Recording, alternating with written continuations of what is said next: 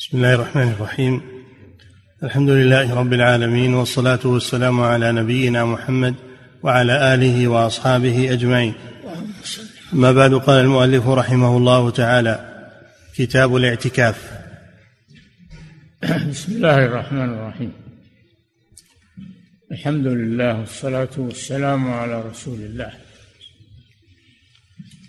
الاعتكاف آخر كتاب الصيام. لأن العادة أن الناس الصائمين يعتكفون في آخر الشهر شهر رمضان. والاعتكاف معناه البقاء في المسجد لطاعة الله سبحانه وتعالى.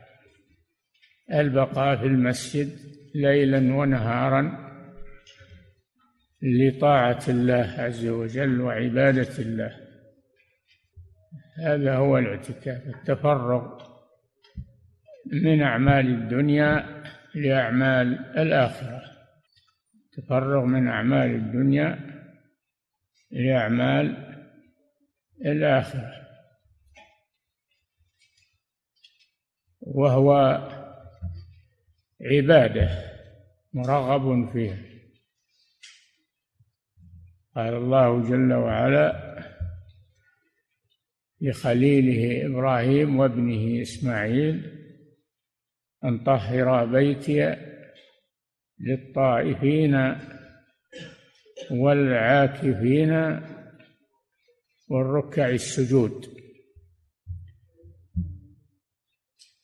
فالعاكف هو الذي يبقى في المسجد لعبادة الله عز وجل. يخلو من مجالسة المخلوقين تفرغ لعبادة الخالق. وكان النبي صلى الله عليه وسلم يعتكف كان يعتكف في شهر رمضان يعتكف العشر الأوسط يتحرى ليلة القدر. فلما تبين له أنها في العشر الأواخر نقل اعتكافه إلى العشر الأواخر. ومات وهو على ذلك عليه الصلاة والسلام. الاعتكاف سنة لعبادة الله بأن ينفرد الإنسان ويخلو بربه أما الاعتكاف الجماعي الذي يقولون هذا خلاف الشرع وخلاف السنة. ما في اعتكاف جماعي. الاعتكاف هو الانفراد عن الناس للعبادة. إما أنهم يعتكفون جماعة في المسجد وينامون جميع ويأكلون جميع ويتضاحكون هذا ما هو اعتكاف. ليس هذا هو الاعتكاف الشرعي. نعم. كتاب الاعتكاف. عن عائشة رضي الله عنها قالت كان رسول الله صلى الله عليه وسلم يعتكف العشر الأواخر من رمضان حتى توفاه الله عز وجل. هذه سنته صلى الله عليه وسلم أنه كان آخر أمره أنه يعتكف العشر الأواخر من رمضان. وتوفي وهو على ذلك عليه الصلاة والسلام. هذه هي السنة. نعم. وعن ابن عمر رضي الله عنهما قال كان رسول الله صلى الله عليه وسلم يعتكف العشر الأواخر من رمضان متفق عليهما ولمسلم قال نافع وقد أراني عبد الله. المكان الذي كان يعتكف فيه رسول الله صلى الله عليه وسلم. نعم قال نافع هو نافع بن عبد الله بن عمر. قال أراني عبد الله يعني أباه عبد الله بن عمر. المكان الذي كان الرسول صلى الله عليه وسلم يعتكف فيه من المسجد. وليس هذا لأجل تخصيص هذا المكان بالاعتكاف أي مكان اعتكفت من المسجد فهذا هو المطلوب. وأما كونه يبحث عن مكان اعتكاف الرسول صلى الله عليه وسلم فهذا من باب الاطلاع فقط. من باب الاطلاع فقط. وكان ابن عمر رضي الله عنه حريصا على تتبع الأمكنة التي صلى فيها النبي صلى الله عليه وسلم. كان حريصا على تتبعها لا للتبرك بها وإنما للاقتداء بالرسول صلى الله عليه وسلم. حريص على الاقتداء بالرسول صلى الله عليه وسلم. وما كان يتتبع الأمكنة ليتبرك بها. نعم. وعن أنس رضي الله عنه قال كان النبي صلى الله عليه وسلم يعتكف العشر الأواخر من رمضان فلم يعتكف عاما فلما كان في العام المقبل اعتكف عشرين رواه أحمد والترمذي وصححه ولأحمد وأبي داود وابن ماجه هذا المعنى من رواية أبي بن كعب. نعم. كان صلى الله عليه وسلم من عاد من من عادته وسنته أنه إذا عمل شيئا لازمه ولا يتركه.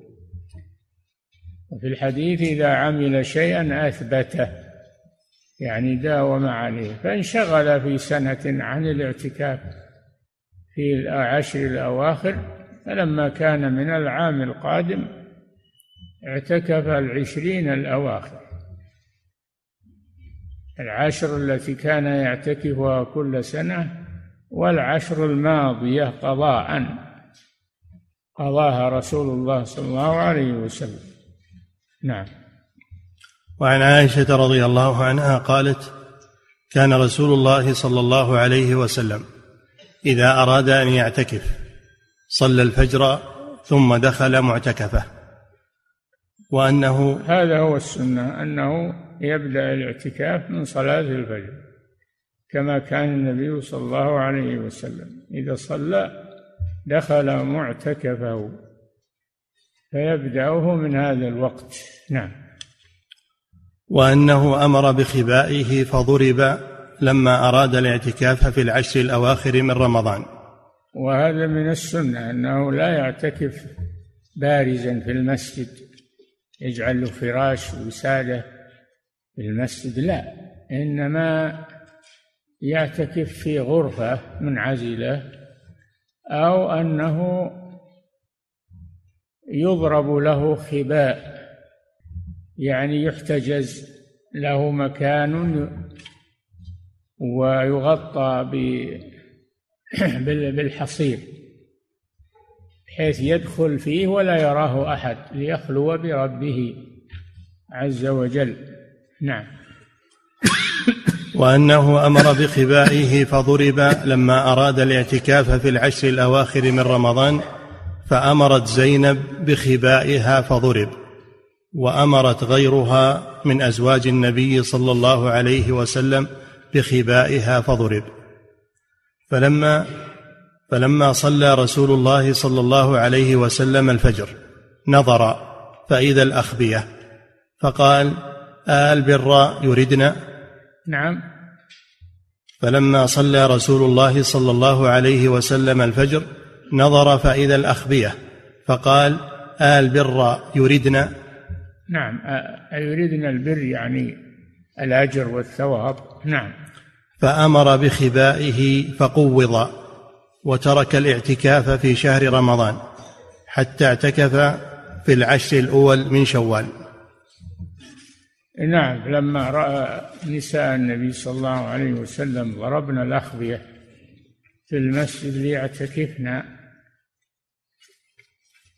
فإنه صلى الله عليه وسلم أزال خباءه من أجل أن يزلن أخبيتهن ولأن هذا المظهر يشكل تضييقا على المصلين ويشكل ويلزم الناس حرجا في أن النساء خصوصا الضرائر يتباهين بالخروج و وضرب الأخبية للاعتكاف. فلم يعتكف صلى الله عليه وسلم وأمر بخبائه فنزع. من أجل أن يقطع على النساء هذه الظاهرة. نعم. فأمر بخبائه فقوض وترك الاعتكاف في شهر رمضان حتى اعتكف في العشر الأول من شوال. ترك الاعتكاف في شهر أمر بخبائه فقوض يعني نقض.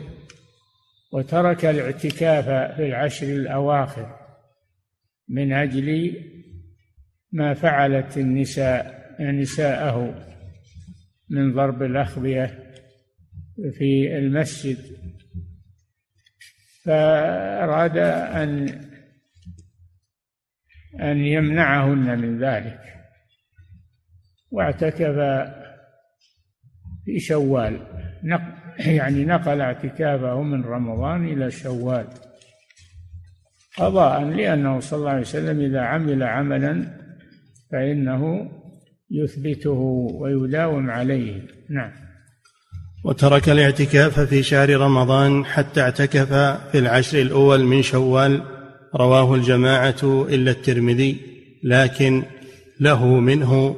كان إذا أراد أن يعتكف صلى الفجر ثم دخل معتكفه.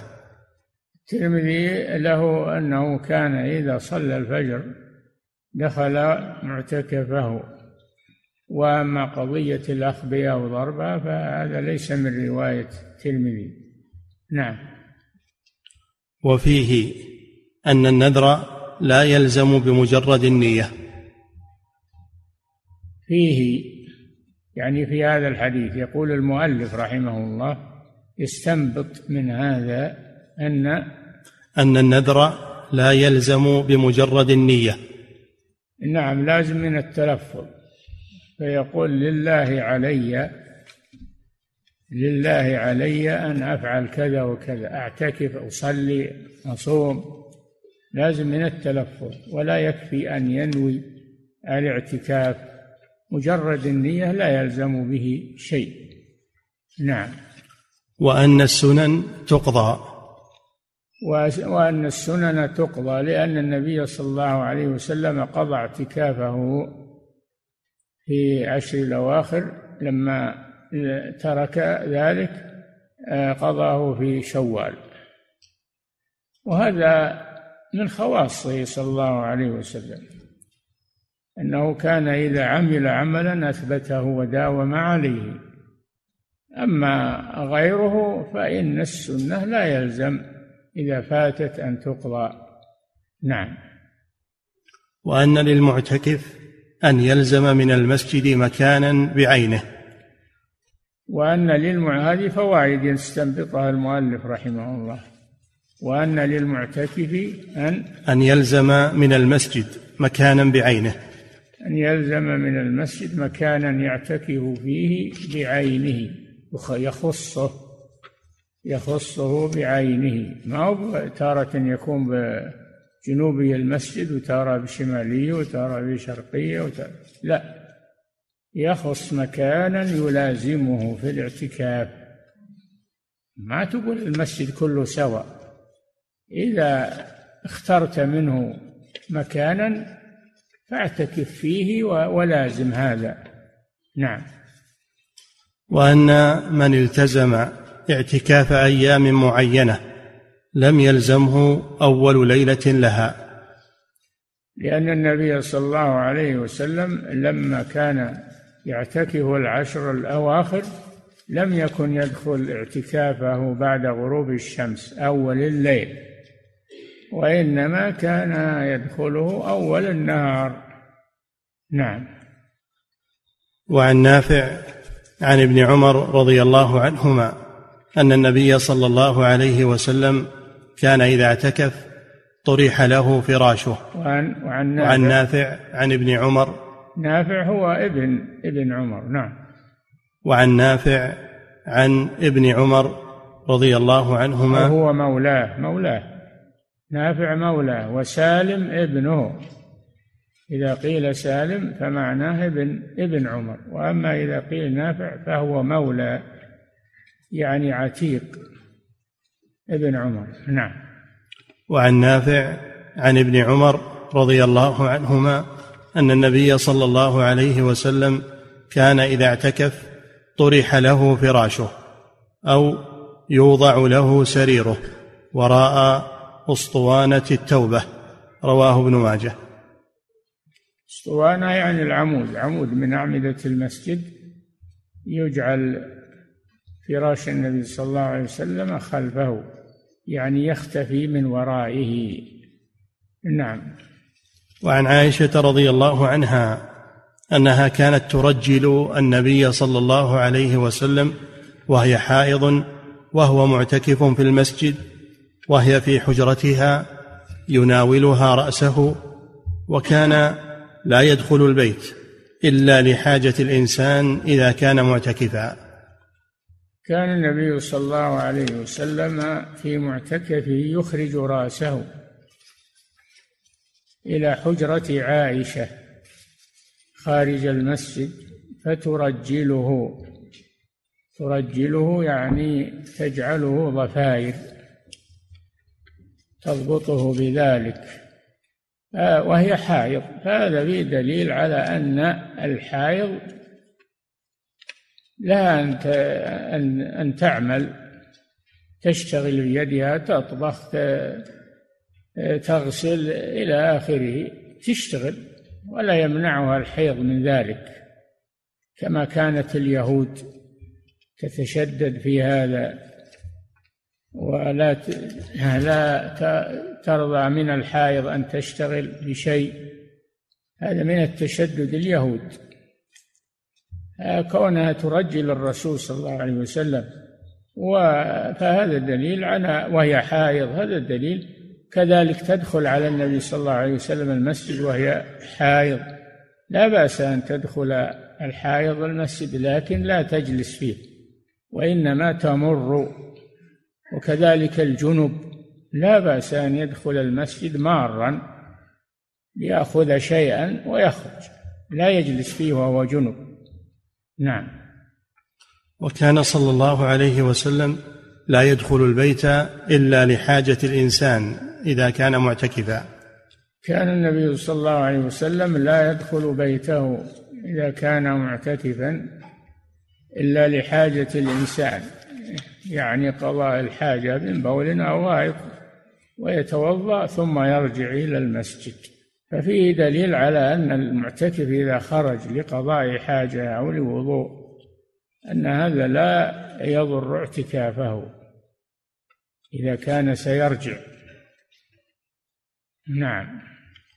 وعنها أيضا قالت إن كنت لأدخل البيت للحاجة والمريض فيه فما أسأل عنه إلا وأنا مارة.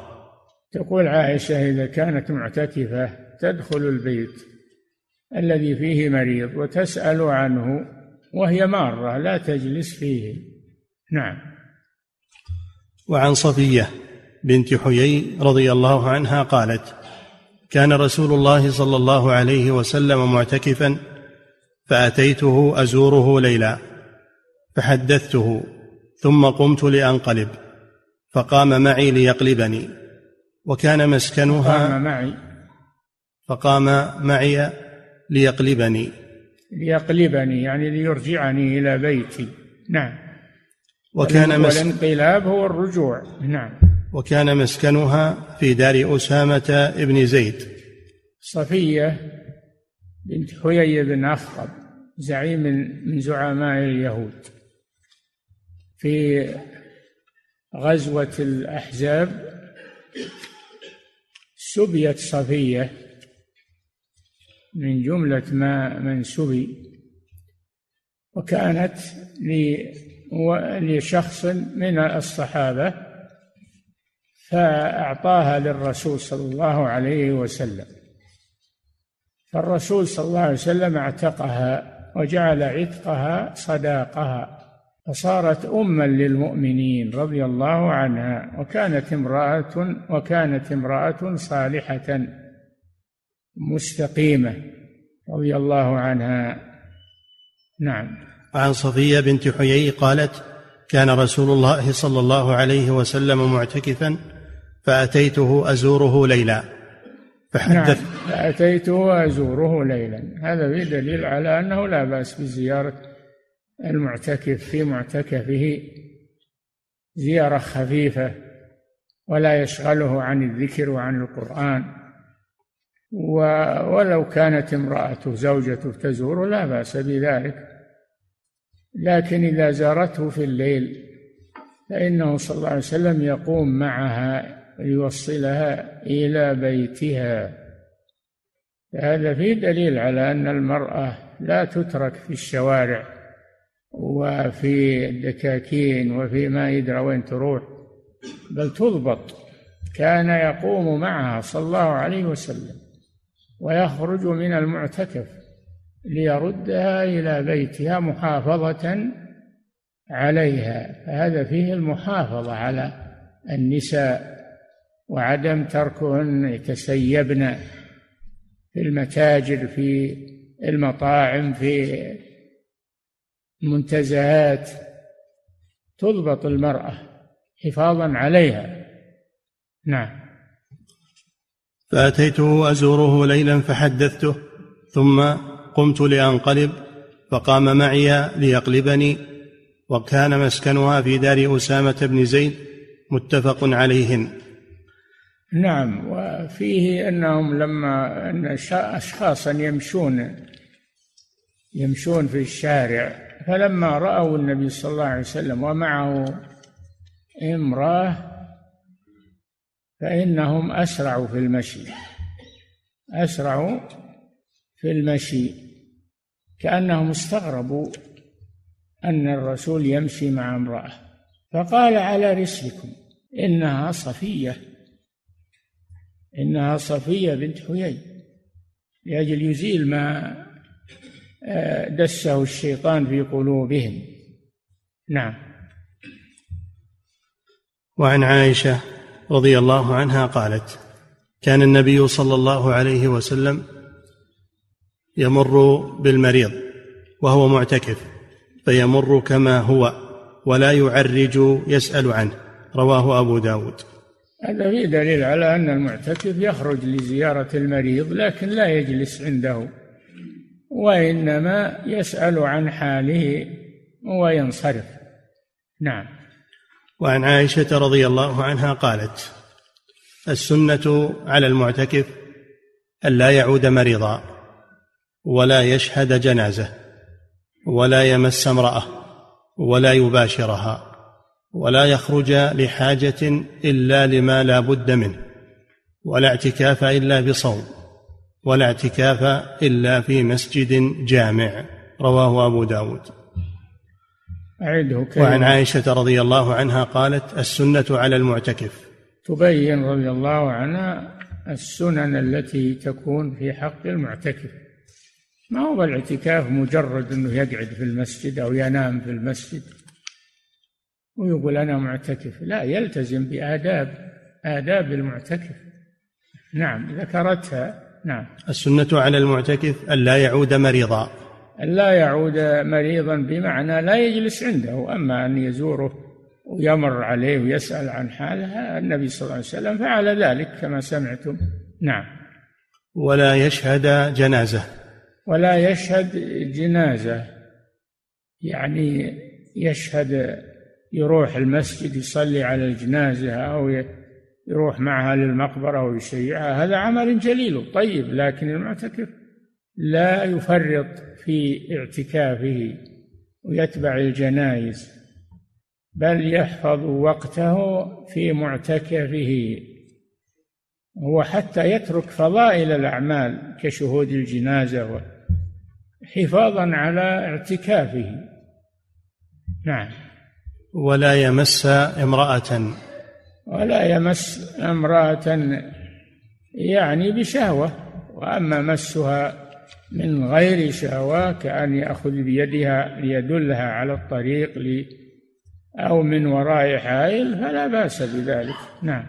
ولا يمس امرأة ولا يباشرها. ولا يباشرها بمعنى أنه ينام معها. أو يمسها من غير حايل مباشرة. نعم. ولا يخرج لحاجة إلا لما لا بد منه.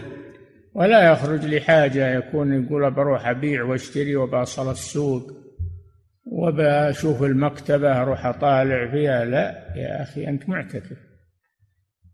إلا لما لا بد له منه. يخرج ليتوضأ ليقضي حاجته ثم يعود لا بأس. نعم. ولا اعتكاف إلا بصوم. الاعتكاف إلا بصوم هذا ليس بلازم. يعتكف ولو كان مفطرا.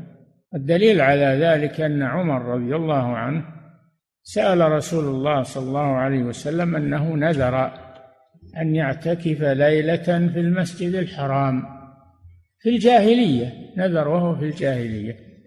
فقال النبي صلى الله عليه وسلم أوفي بنذرك مع أن الليل ليس فيه صيام فدل على أنه لا لا يلزم من الاعتكاف أن يكون صائما بل يكون مفطرا أو صائما لا بأس. نعم. ولا اعتكاف إلا في مسجد جامع. إي نعم لا اعتكاف إلا في مسجد جامع يعني تصلى فيه الجماعة ليس جامع يعني تصلى فيه الجمعة لا. اعتكاف في مسجد تصلى فيه الجماعة لا يعتكف في مسجد مهجور بل يعتكف في مسجد صلى فيه الجماعة من أجل أن يصلي معهم ولا يترك صلاة الجماعة. نعم. وعن ابن عمر أن عمر سأل النبي صلى الله عليه وسلم قال كنت نذرت في الجاهلية أن أعتكف ليلة في المسجد الحرام. قال فأوف بنذرك. متفق عليه. وزاد البخاري فاعتكف ليلة.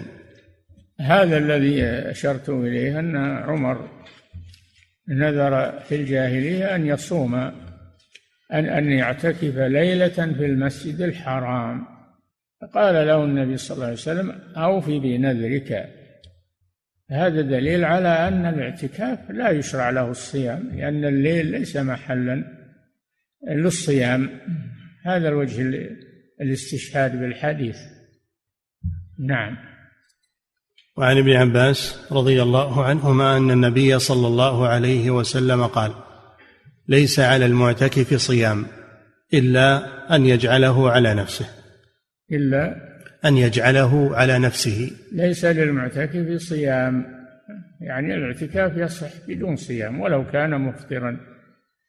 إلا أن يجعله على نفسه يعني ينذر أن يكون صائما وهو معتكف فيلزمه ما نذر ويلزمه الصيام. نعم. أن النبي صلى الله عليه وسلم قال ليس على المعتكف صيام إلا أن يجعله على نفسه. رواه الدار قطني وقال رفعه أبو بكر السوسي وغيره لا يرفعه.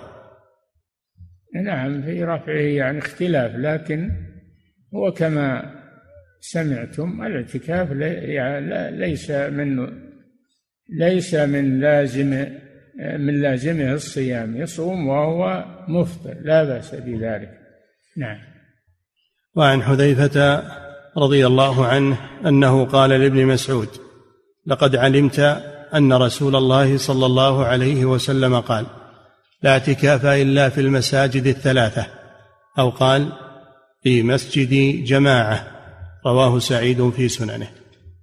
نعم حذيفة بن اليمان يقول لابن مسعود لقد علمت أن الرسول صلى الله عليه وسلم قال لا اعتكاف إلا في المساجد الثلاثة التي هي المسجد الحرام والمسجد النبوي والمسجد الأقصى. والمسجد الأقصى. ولكن هذا من باب الأفضلية. فإذا فإذا فإذا اعتكف في أحد المساجد الثلاثة فهذا أفضل لشرف المكان. وأما الجواز فيجوز أن يعتكف. في غيرها من المساجد لأن الله جل وعلا قال ولا تباشروهن وأنتم عاكفون في المساجد. ولم يخصص المساجد الثلاثة في أي مسجد لكن بشرط أن يكون هذا المسجد تصلى فيه صلاة الجماعة من أجل ألا يضيعها. فإن كان المسجد مهجورا فلا يعتكف فلا يعتكف فيه. نعم. لقد علمت أن رسول الله صلى الله عليه وسلم قال لا اعتكاف إلا في المساجد الثلاثة أو قال في مسجد جماعة. رواه سعيد في سننه. أو قال في مسجد جماعة وهذا محل الشاهد. في مسجد جماعة يعني في مسجد تصلى فيه الجماعة لا يكون مهجورا. وأما المساجد الثلاثة فلا شك أن الصلاة فيها والاعتكاف فيها أنه أفضل من غيرها إذا تيسر. نعم. وعن عائشة رضي الله عنها أن النبي صلى الله عليه وسلم اعتكف معه بعض نسائه وهي مستحاضة ترى الدم فربما وضعت الطست تحتها من الدم رواه البخاري.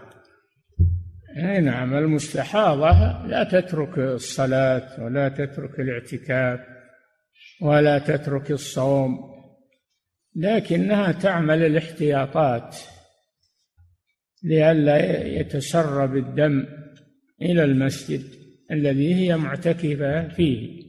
فلا بأس أن تعتكف في المسجد وهي حائض لكنها تعمل ما يمنع تسرب الدم إلى أرضية المسجد. نعم. وفي رواية اعتكف معه امرأة من أزواجه وكانت ترى الدم والصفرة والطست تحتها وهي تصلي. رواه أحمد والبخاري وأبو داود. الطست شيء تجعله تحتها صحن أو أو شيء يكون فيه الدم الذي ينزل منها ولا يخرج إلى أرضية المسجد. هذا فيه دليل على أن الحائض لها أن تعتكف وأن لها وأنها تصلي ولا تترك الصلاة. إنما الذي تترك التي تترك الصلاة هي الحائض. أما المستحاضة فإنها لا تترك الصلاة لأنها في حكم الطاهرات من الحيض. نعم. باب الاجتهاد في العشر الأواخر وفضل قيام ليلة القدر وما يدعى فيها وأي ليلة هي.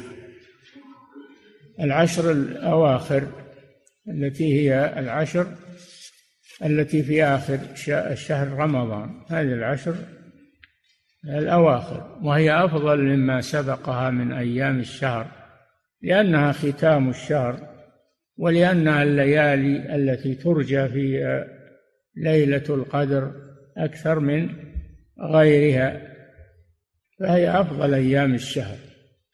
فإذا اعتكفها فهذا أفضل. نعم. وفضل قيام ليلة القدر وما يدعى فيها وأي ليلة هي. فضل ليلة القدر التي قال الله جل وعلا فيها إنا أنزلناه في ليلة القدر. وما أدراك ما ليلة القدر. إلى آخر السور. عظمها سبحانه بقوله وما أدراك ما ليلة القدر. ليلة القدر خير من ألف شهر. تتنزل الملائكة والروح. الملائكة ملائكة تنزل بالرحمه من الله عز وجل على المصلين والمعتكفين في ليالي رمضان. لكنها تتنزل في ليلة القدر أكثر. تتنزل الملائكة والروح وهو جبريل عليه السلام. الروح هو جبريل الروح الأمين. تتنزل الملائكة والروح فيها. فهي ليلة فاضلة وهي أفضل ليالي الشهر. سميت ليلة القدر قيل لأنها التي تقدر فيها أعمال السنة. أعمال السنة تقدر في ليلة القدر تؤخذ من اللوح المحفوظ لأن القدر مكتوب في اللوح المحفوظ.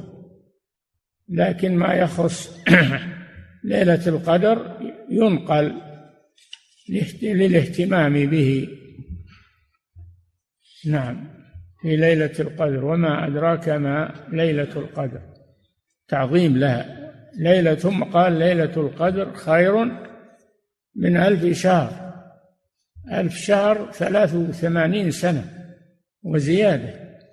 فهذا فيه فضل عظيم أن من قامها كأنما قام ألف ألف شهر. هذا فضل عظيم. لمن وفقه الله؟ سبحانه وتعالى. ثم قال تتنزل الملائكة ملائكة الرحمن تنزل بالرحمة وإعانة المصلين والمتعبدين تنزل لإعانتهم وتنشيطهم وطرد الشياطين عنهم.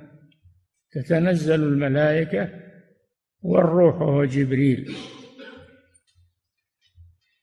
ثم قال سلام هي حتى مطلع الفجر. لا يجري فيها شيء مكروه وإنما يجري فيها الشيء الذي فيه سلامة لأهل الإيمان. وأما غير أهل الإيمان فينزل عليهم العذاب وينزل عليهم الغضب وهم في ليلة القدر.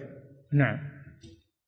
وفضل قيام ليلة القدر وما يدعى فيها وأي ليلة هي. نعم. كل هذه سيذكر أدلتها في الباب.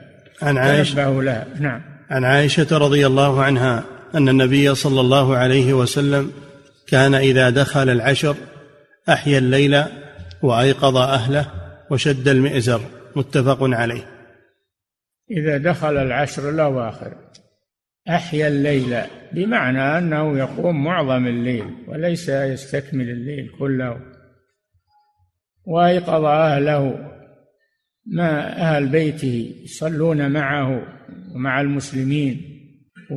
فهذا فيه الاهتمام بأهل البيت وحثهم على الفضائل فضائل الأعمال وعدم الغفلة عنه وأيقظ أهله. نعم. وشد المئزر. شد المئزر قيل معناه أنه اجتهد. في الصلاة والعبادة. وقيل معناه أنه يتجنب النساء في ليالي في ليلة القدر. تجنب يعني معاشرة نسائه في ليلة القدر ليتفرغ للعبادة. نعم. وشد المئزر متفق عليه ولأحمد ومسلم كان يجتهد في العشر الأواخر ما لا يجتهد في غيرها. نعم كل الأدلة تدل على أنه صلى الله عليه وسلم يخص العشر الأواخر بمزيد اجتهاد بمزيد قيام وتلاوة للقرآن والأعمال الصالحة لأنها ليالي مباركة ولأنها ترجى فيها ليلة القدر أكثر من غيره لعله أن يصادفها. نعم. وعن أبي هريرة رضي الله عنه أن النبي صلى الله عليه وسلم قال من قام ليلة القدر إيمانا واحتسابا غفر له ما تقدم من ذنبه رواه الجماعة إلا ابن ماجه. من قام ليلة القدر قام يعني تهجد فيها إيمانا يعني لا رياء ولا سمعة واحتسابا يعني طلبا لأجرها. طلبا لاجرها بهذين الشرطين ايمانا لا رياء ولا سمعة واحتسابا للأجر وطلبا للثواب. غفر له ما تقدم من ذنبه. نعم. وعن عائشة رضي الله عنها قالت قلت يا رسول الله أرأيت إن علمت أي ليلة ليلة القدر؟ ما أقول فيها؟ قال قولي اللهم إنك عفو تحب العفو فاعف عني. رواه الترمذي وصححه وأحمد وابن ماجه وقال فيه أرأيت إن وافقت ليلة القدر. هي الرواية يعني أنها قالت أرأيت يا رسول إن وافقت ليلة القدر فماذا أقول فيها؟ فالنبي صلى الله عليه وسلم نبهها إلى أن تقول اللهم إنك عفو تحب العفو فاعف عني. نعم. وعن ابن عمر رضي الله عنهما قال قال رسول الله صلى الله عليه وسلم من كان متحريها فليتحرها ليلة سبع وعشرين. أو قال تحروها ليلة سبع وعشرين يعني ليلة القدر.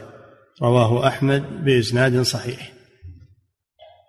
نعم تعيين ليلة القدر في أي ليلة من العشر الأواخر هذا محل اختلاف. فمنهم من قال إنه أول ليلة من ليالي العشر الأواخر ومنهم من قال إنه ليلة إحدى وعشرين ليلة إحدى وعشرين ومنهم من قال إنه ليلة ثلاث وعشرين. والراجح قول من قال إنها ليلة سبع وعشرين هذا هو الراجح. نعم.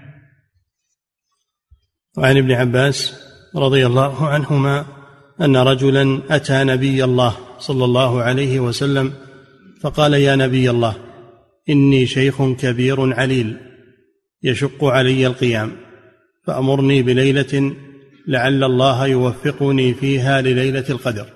فقال عليك بالسابعة. رواه أحمد. نعم هذا الرجل جاء يسأل يطلب من الرسول صلى الله عليه وسلم أن يعين له ليلة يجتهد فيها للعبادة يتحرى ليلة القدر فيها فأرشده النبي صلى الله عليه وسلم إلى ليلة سبع وعشرين أو ليلة سبع يعني من العشر وهي ليلة سبع وعشرين. فهي أرجح أرجح الليالي أنها هي ليلة القدر. نعم. وعن معاوية ابن أبي سفيان عن النبي صلى الله عليه وسلم في ليلة القدر قال ليلة سبع وعشرين رواه أبو داود.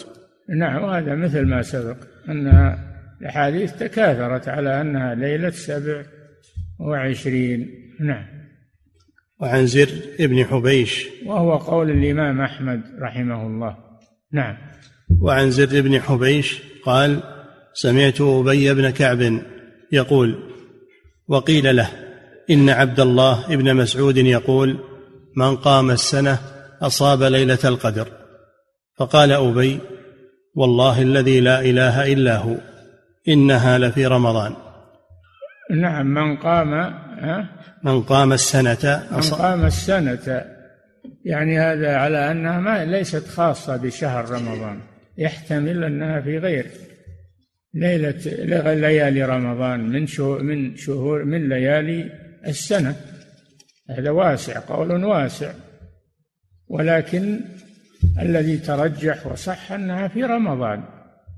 أنها في رمضان وليست خارج رمضان. نعم. سمعت أبي بن كعب يقول وقيل له إن عبد الله بن مسعود يقول من قام السنة أصاب ليلة القدر. فقال أبي والله الذي لا إله إلا هو إنها لفي رمضان يحلف ما يستثني. ووال... نعم. هذا دليل على تأكد أنها في رمضان وأنها لا تكون في سائر ليالي السنة. نعم. ووالله إني لأعلم أي ليلة هي. هي الليلة التي أمرنا رسول الله صلى الله عليه وسلم بقيامها. هي ليلة سبع وعشرين. نعم. وأمارتها أن تطلع الشمس في صبيحة يومها بيضاء لا شعاع لها. رواه أحمد ومسلم وأبو داود والترمذي وصححه. يعني يلتمسون يلتمسون لها علامات يلتمسون الله أعلم بذلك. منها هذا ما ذكر في هذا الحديث أن من علاماتها أن الشمس تخرج بيضاء نقية لا شعاع لها لأن الشيطان لا يخرج معها في هذا لأن الشيطان لأنها في غيره تخرج بين قرني شيطان فيسجد لها المشركون. ففي ليلة القدر كأنه لا يخرج معها لعنه الله تكون صافية. والله أعلم بصحة هذا. نعم. المهم أنها في رمضان وأنها في العشر الأواخر آكد وأنها في ليلة السابع والعشرين آكد. هذا الذي جاءت به الأدلة. نعم. وعن أبي سعيد رضي الله عنه أن النبي صلى الله عليه وسلم اعتكف العشر الأول من رمضان ثم اعتكف العشر الأوسط في قبة تركية على سدتها حصير فأخذ الحصير بيده فنحاها في ناحية القبة ثم أطلع رأسه فكلم الناس فدنوا منه فقال إني اعتكفت العشر الأول ألتمس هذه الليلة ثم اعتكفت العشر الأوسط ثم أتيت فقيل لي إنها في العشر الأواخر فمن أحب منكم أن يعتكف فليعتكف. الرسول صلى الله عليه وسلم كان حريصا على الخير وكان يعلم أن ليلة القدر في رمضان ولكن خفية في أي ليلة هي فكان يحتاط صلى الله عليه وسلم. اعتكف العشر الأول ثم اعتكف العشر الأوسط يتحرى ليلة القدر ثم انتقل إلى الاعتكاف في العشر الأخير. ترجح له أنها في العشر الأواخر. فهذا من حرصه صلى الله عليه وسلم على الخير مع أنه قد غفر له ما تقدم من ذنبه وما تأخر. ولكنه يحب أن يكون عبدا شكورا. ولا يمل من الخير عليه الصلاة والسلام. نعم. ثم أتيت فقيل لي إنها في العشر الأواخر فمن أحب منكم أن يعتكف فليعتكف. فاعتكف الناس معه. يعني آخر ما قيل له صلى الله عليه وسلم أنها في العشر الأواخر. فترجحت أنها في العشر الأواخر من شهر رمضان. الله أخفاها لحكمة. وهي أن يجتهد المسلم في كل ليالي رمضان ليحصل له قيام رمضان ويحصل له مع ذلك قيام الشهر. تجتمع له الفضيلتان. نعم. قال وإني رأيتها ليلة وتر وإني أسجد في صبيحتها في طين وماء. اي نعم علامات لليلة القدر أنها في وتر. يعني ليلة ليست اثنين وعشرين. الوتر يعني ضد الزوج من العدد. الوتر هو الفرد. في وتر في واحد وعشرين في خمس وعشرين في سبع وعشرين في تسع وعشرين. هذه الأوتار. لكنها أرجح أن تكون في ليلة سبع وعشرين. نعم. وإني رأيتها ليلة وتر وإني أسجد في صبيحتها في طين وماء. يعني ورأيت يعني في المنام أنني أسجد في صبيحتها في على طين وماء. فحصل هذا له في ليلة سبع وعشرين.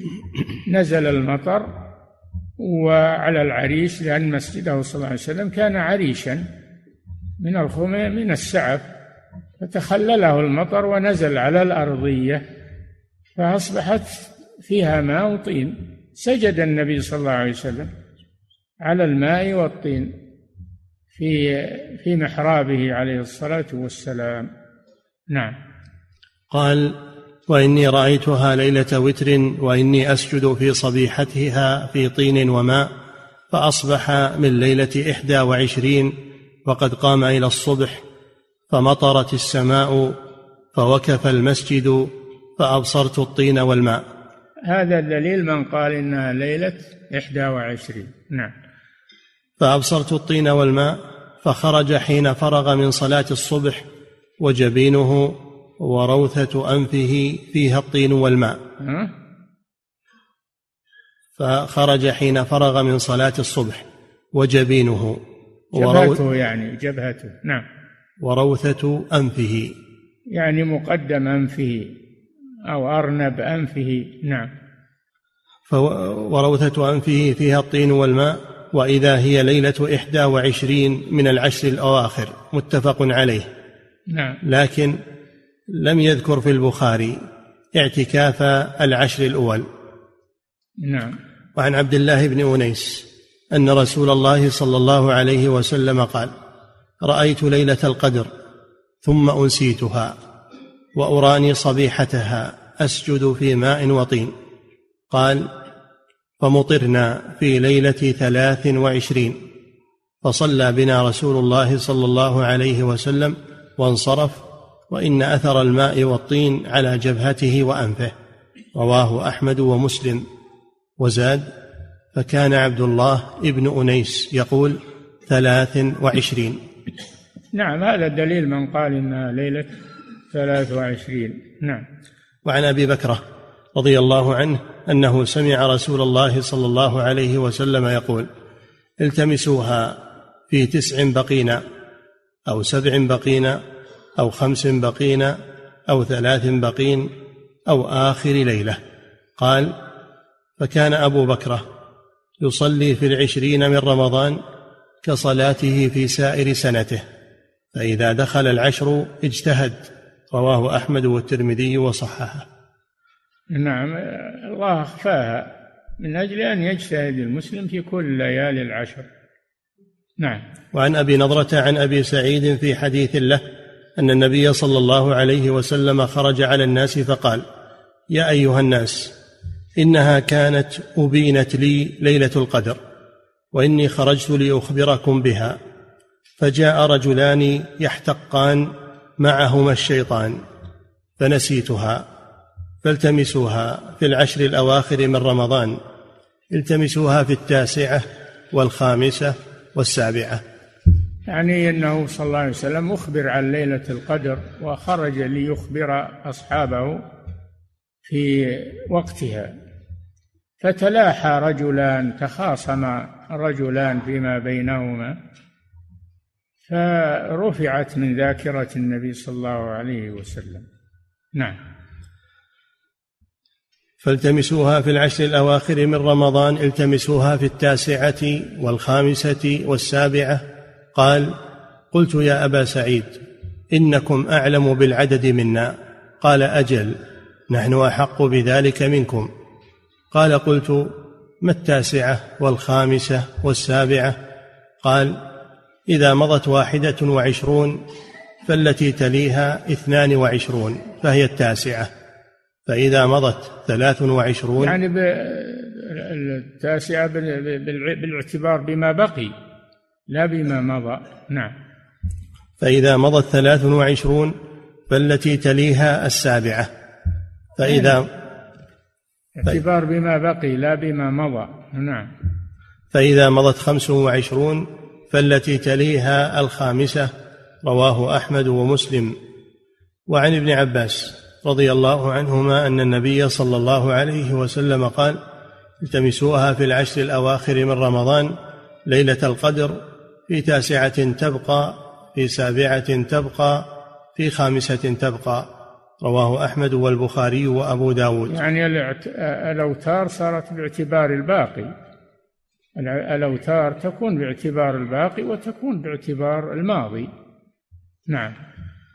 وفي رواية قال رسول الله صلى الله عليه وسلم هي في العشر في سبع يمضين أو في تسع يبقين يعني ليلة القدر. رواه البخاري. وعن ابن عمر. المهم أنها في العشر الأواخر. هذا هو المهم. وأن ففيه فضل العشر الأواخر.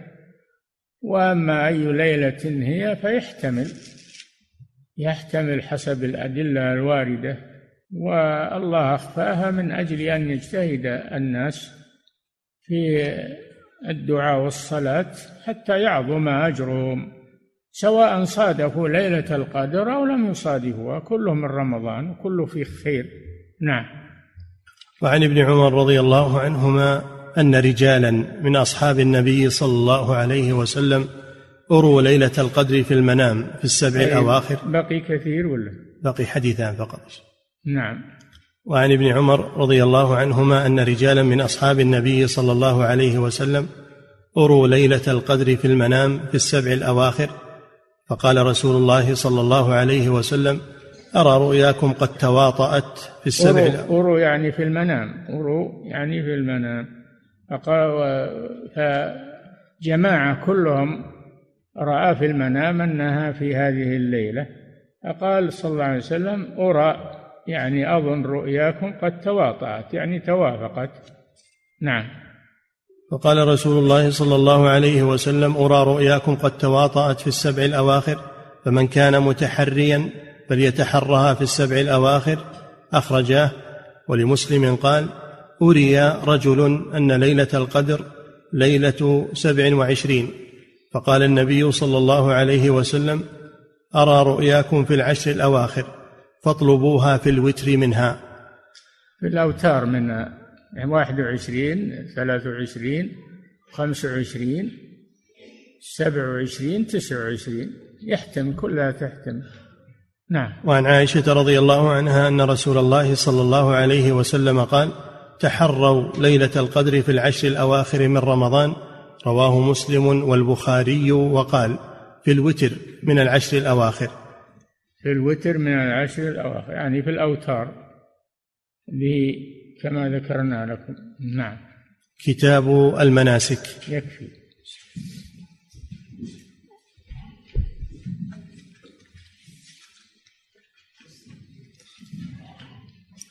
فضيلة الشيخ وفقكم الله. يقول السائل يعرف بعض أهل العلم السابقين كابن رجب رحمة الله عليه يعرف الاعتكاف بأنه قطع العلائق عن عن الخلائق للاتصال بخدمة الخالق. هل من محذور في كلمة خدمة الخالق؟ الأولى أن يقال لعبادة الخالق بدل الخدمة لعبادة هم يريدون العبادة لكن يعبرون عنها بالخدمة. والأولى أن يقال عبادة. نعم. فضيلة الشيخ وفقكم الله. الغرف التي تكون ملحقة بالمسجد. هل الغرف التي تكون ملحقة بالمسجد هل يصح الاعتكاف فيها؟ إذا كان بابها إلى المسجد فيعتكف فيها لأنها من المسجد. أما إذا كان بابها خارج المسجد فهي ليست من المسجد. نعم. فضيلة الشيخ وفقكم الله هذا سائل يقول إذا كان والدي يرفض أن أعتكف العشر الأواخر من رمضان مع بلوغ عشرين سنة وهو ليس في حاجة لي فهل يلزمني طاعته في ذلك؟ والله أقنعه ربما أنه جاهل بين له. وأن هذا في خير لك وله وأنك ستدعو له و... لعله يقنع. يعني تأخذه بالتي هي أحسن. نعم. فضيلة الشيخ وفقكم الله. من اعتكف العشر الأواخر من رمضان ثم احتاج إليه أهله فهل له أن يقطع الاعتكاف ويخرج إليهم؟ نعم. إذا عرض عارض يقتضي أنه يقطع الاعتكاف يقطعه. لأن الاعتكاف ليس بواجب. سنة. نعم.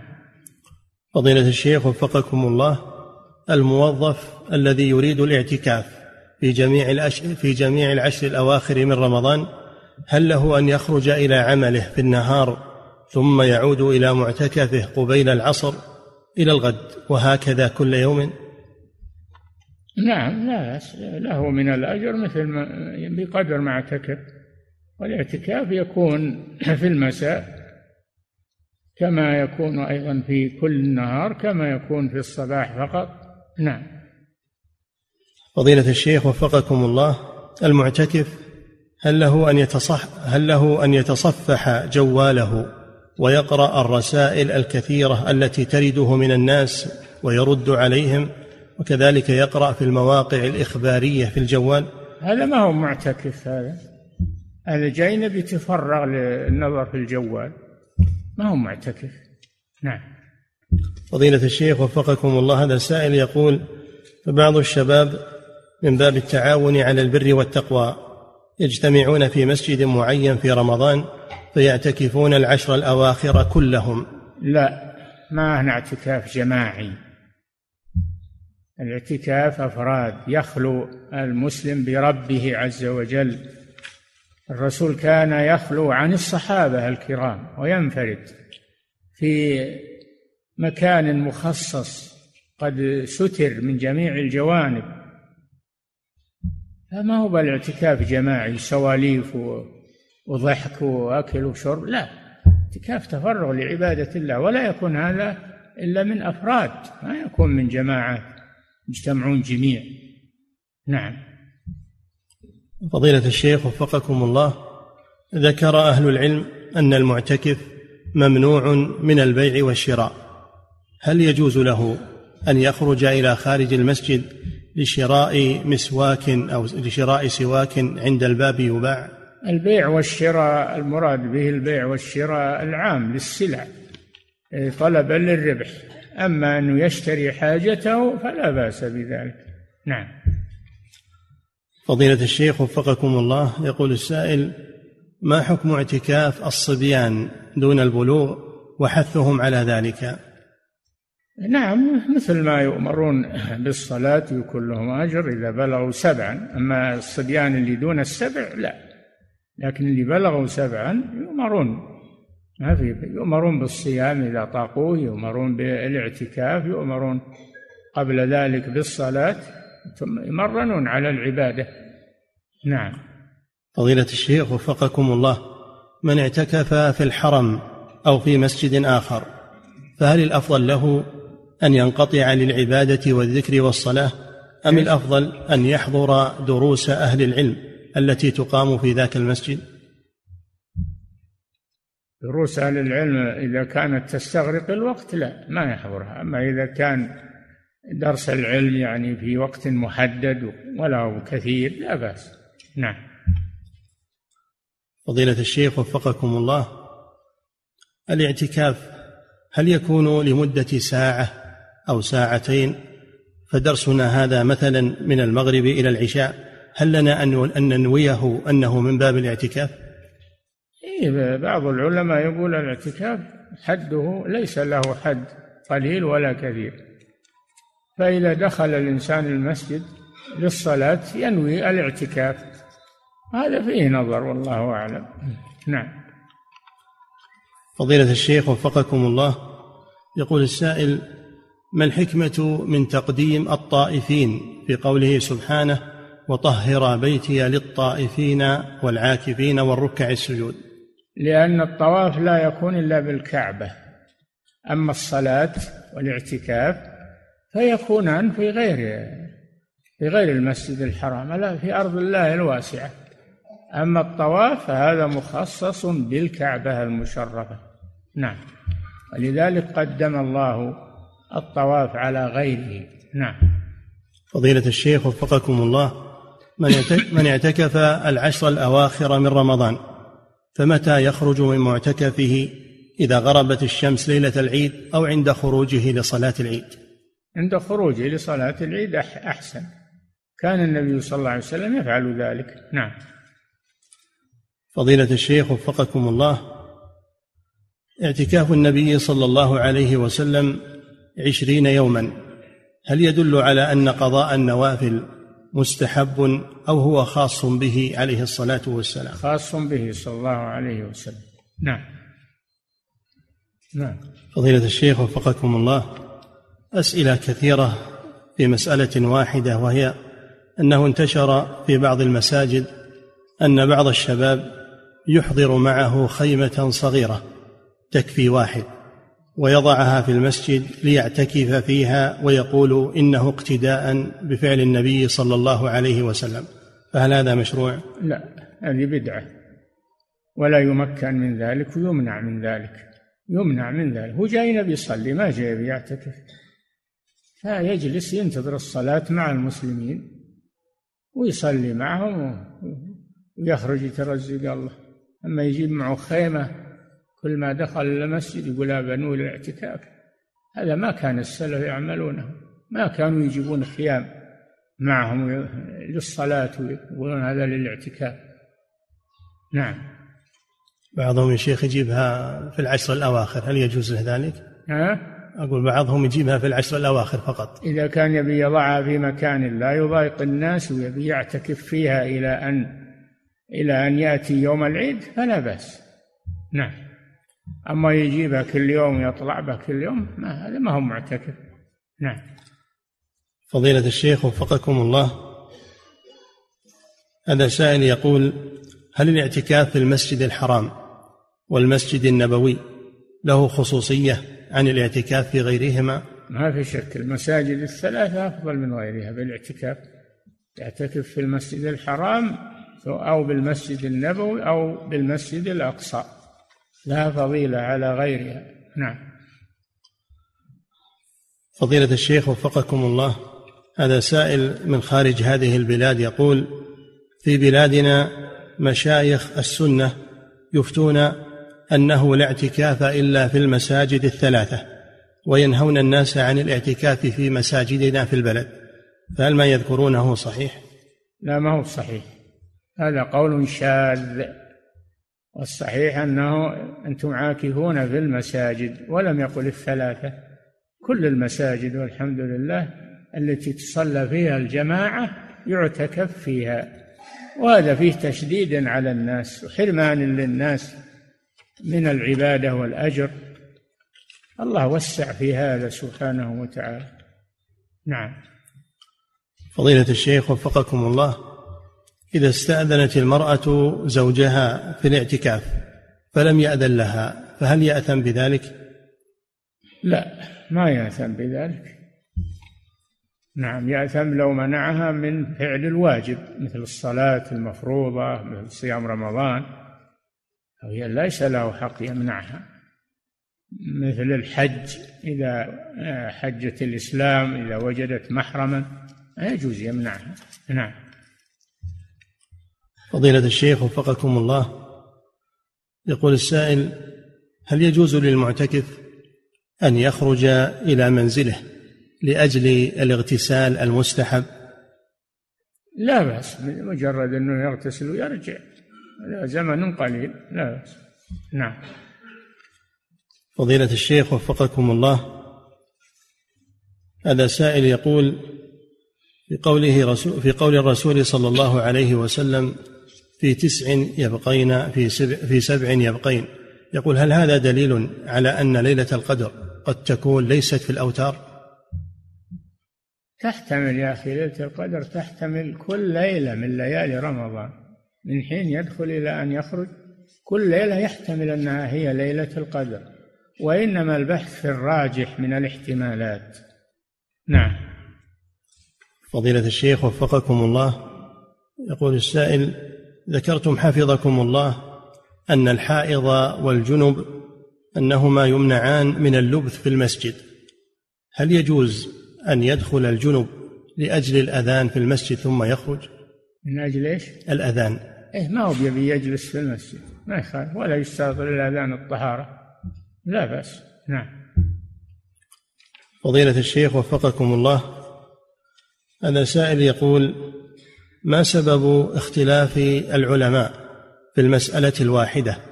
وما موقف العام وطالب العلم المبتدئ من هذا الخلاف؟ اختلافهم بحسب ما يظهر لهم من الدليل أو من الأدلة. فهم مجتهدون لهم أجر في الاجتهاد. إذا اجتهد الحاكم فأصاب فله أجران وإذا اجتهد وأخطأ فله أجر واحد. لا لا هذا شيء طيب وهذا من الحرص على الخير وعلى. نعم وش السؤال؟ وما موقف العامي وطالب العلم المبتدئ؟ من هذا الخلاف بين العلماء. يسأل العامي لا يأخذ بالخلاف ولا يختار هو من الأقوال وإنما يسأل العلماء. العامي يسأل العالم ويأخذ بقول العالم. فاسألوا أهل الذكر إن كنتم لا تعلمون. نعم. فضيلة الشيخ وفقكم الله هل للمرأة أن تعتكف في مسجد بيتها الذي تضع سجادتها فيه وتصلي فيه؟ لا. اعتكاف في المساجد ما يكون في مصلى البيت لا. هذا ليس مسجدا. نعم. هذا مصلى وليس مسجد. نعم. فضيلة الشيخ وفقكم الله في قول عائشة رضي الله عنها وأرضاها عن المعتكف أنه لا يشهد جنازة. إذا كان الرجل في المسجد معتكفا ثم صلي على جنازة فهل له أن يصلي معه؟ نعم ليس المعنى, المعنى أنه ما يصلي على الجنازة إذا حضرت معناه ما يخرج معها للمقبرة. نعم. فضيلة الشيخ وفقكم الله. يقول السائل ولا يروح للمساجد يتتبع الجنائز وهو معتكف مثل ما يفعل بعض الشباب يطيرون من مسجد المسجد إذا صليت على جنازة في اليوم يكفي هذا يا أخي. إذا صليت على جنازة محتسبا الأجر يكفي. ما بتروح تتبع المساجد. ويصلون قبل يجي الإمام. يصلون على الجنازة قبل يجي الإمام ويطلعون من مسجد ثاني فيفتاتون على الإمام. هذا من حق الإمام. ولا يصلي غيره على الجنازة ولا يصلي الفريضة غيره. مسجده هو محل ولايته. لكن هؤلاء أصلحهم الله ما تفقهوا في الدين. عندهم حرص على الخير لكن ما عندهم فقه. نعم. وهذه آفة الجهل. نعم.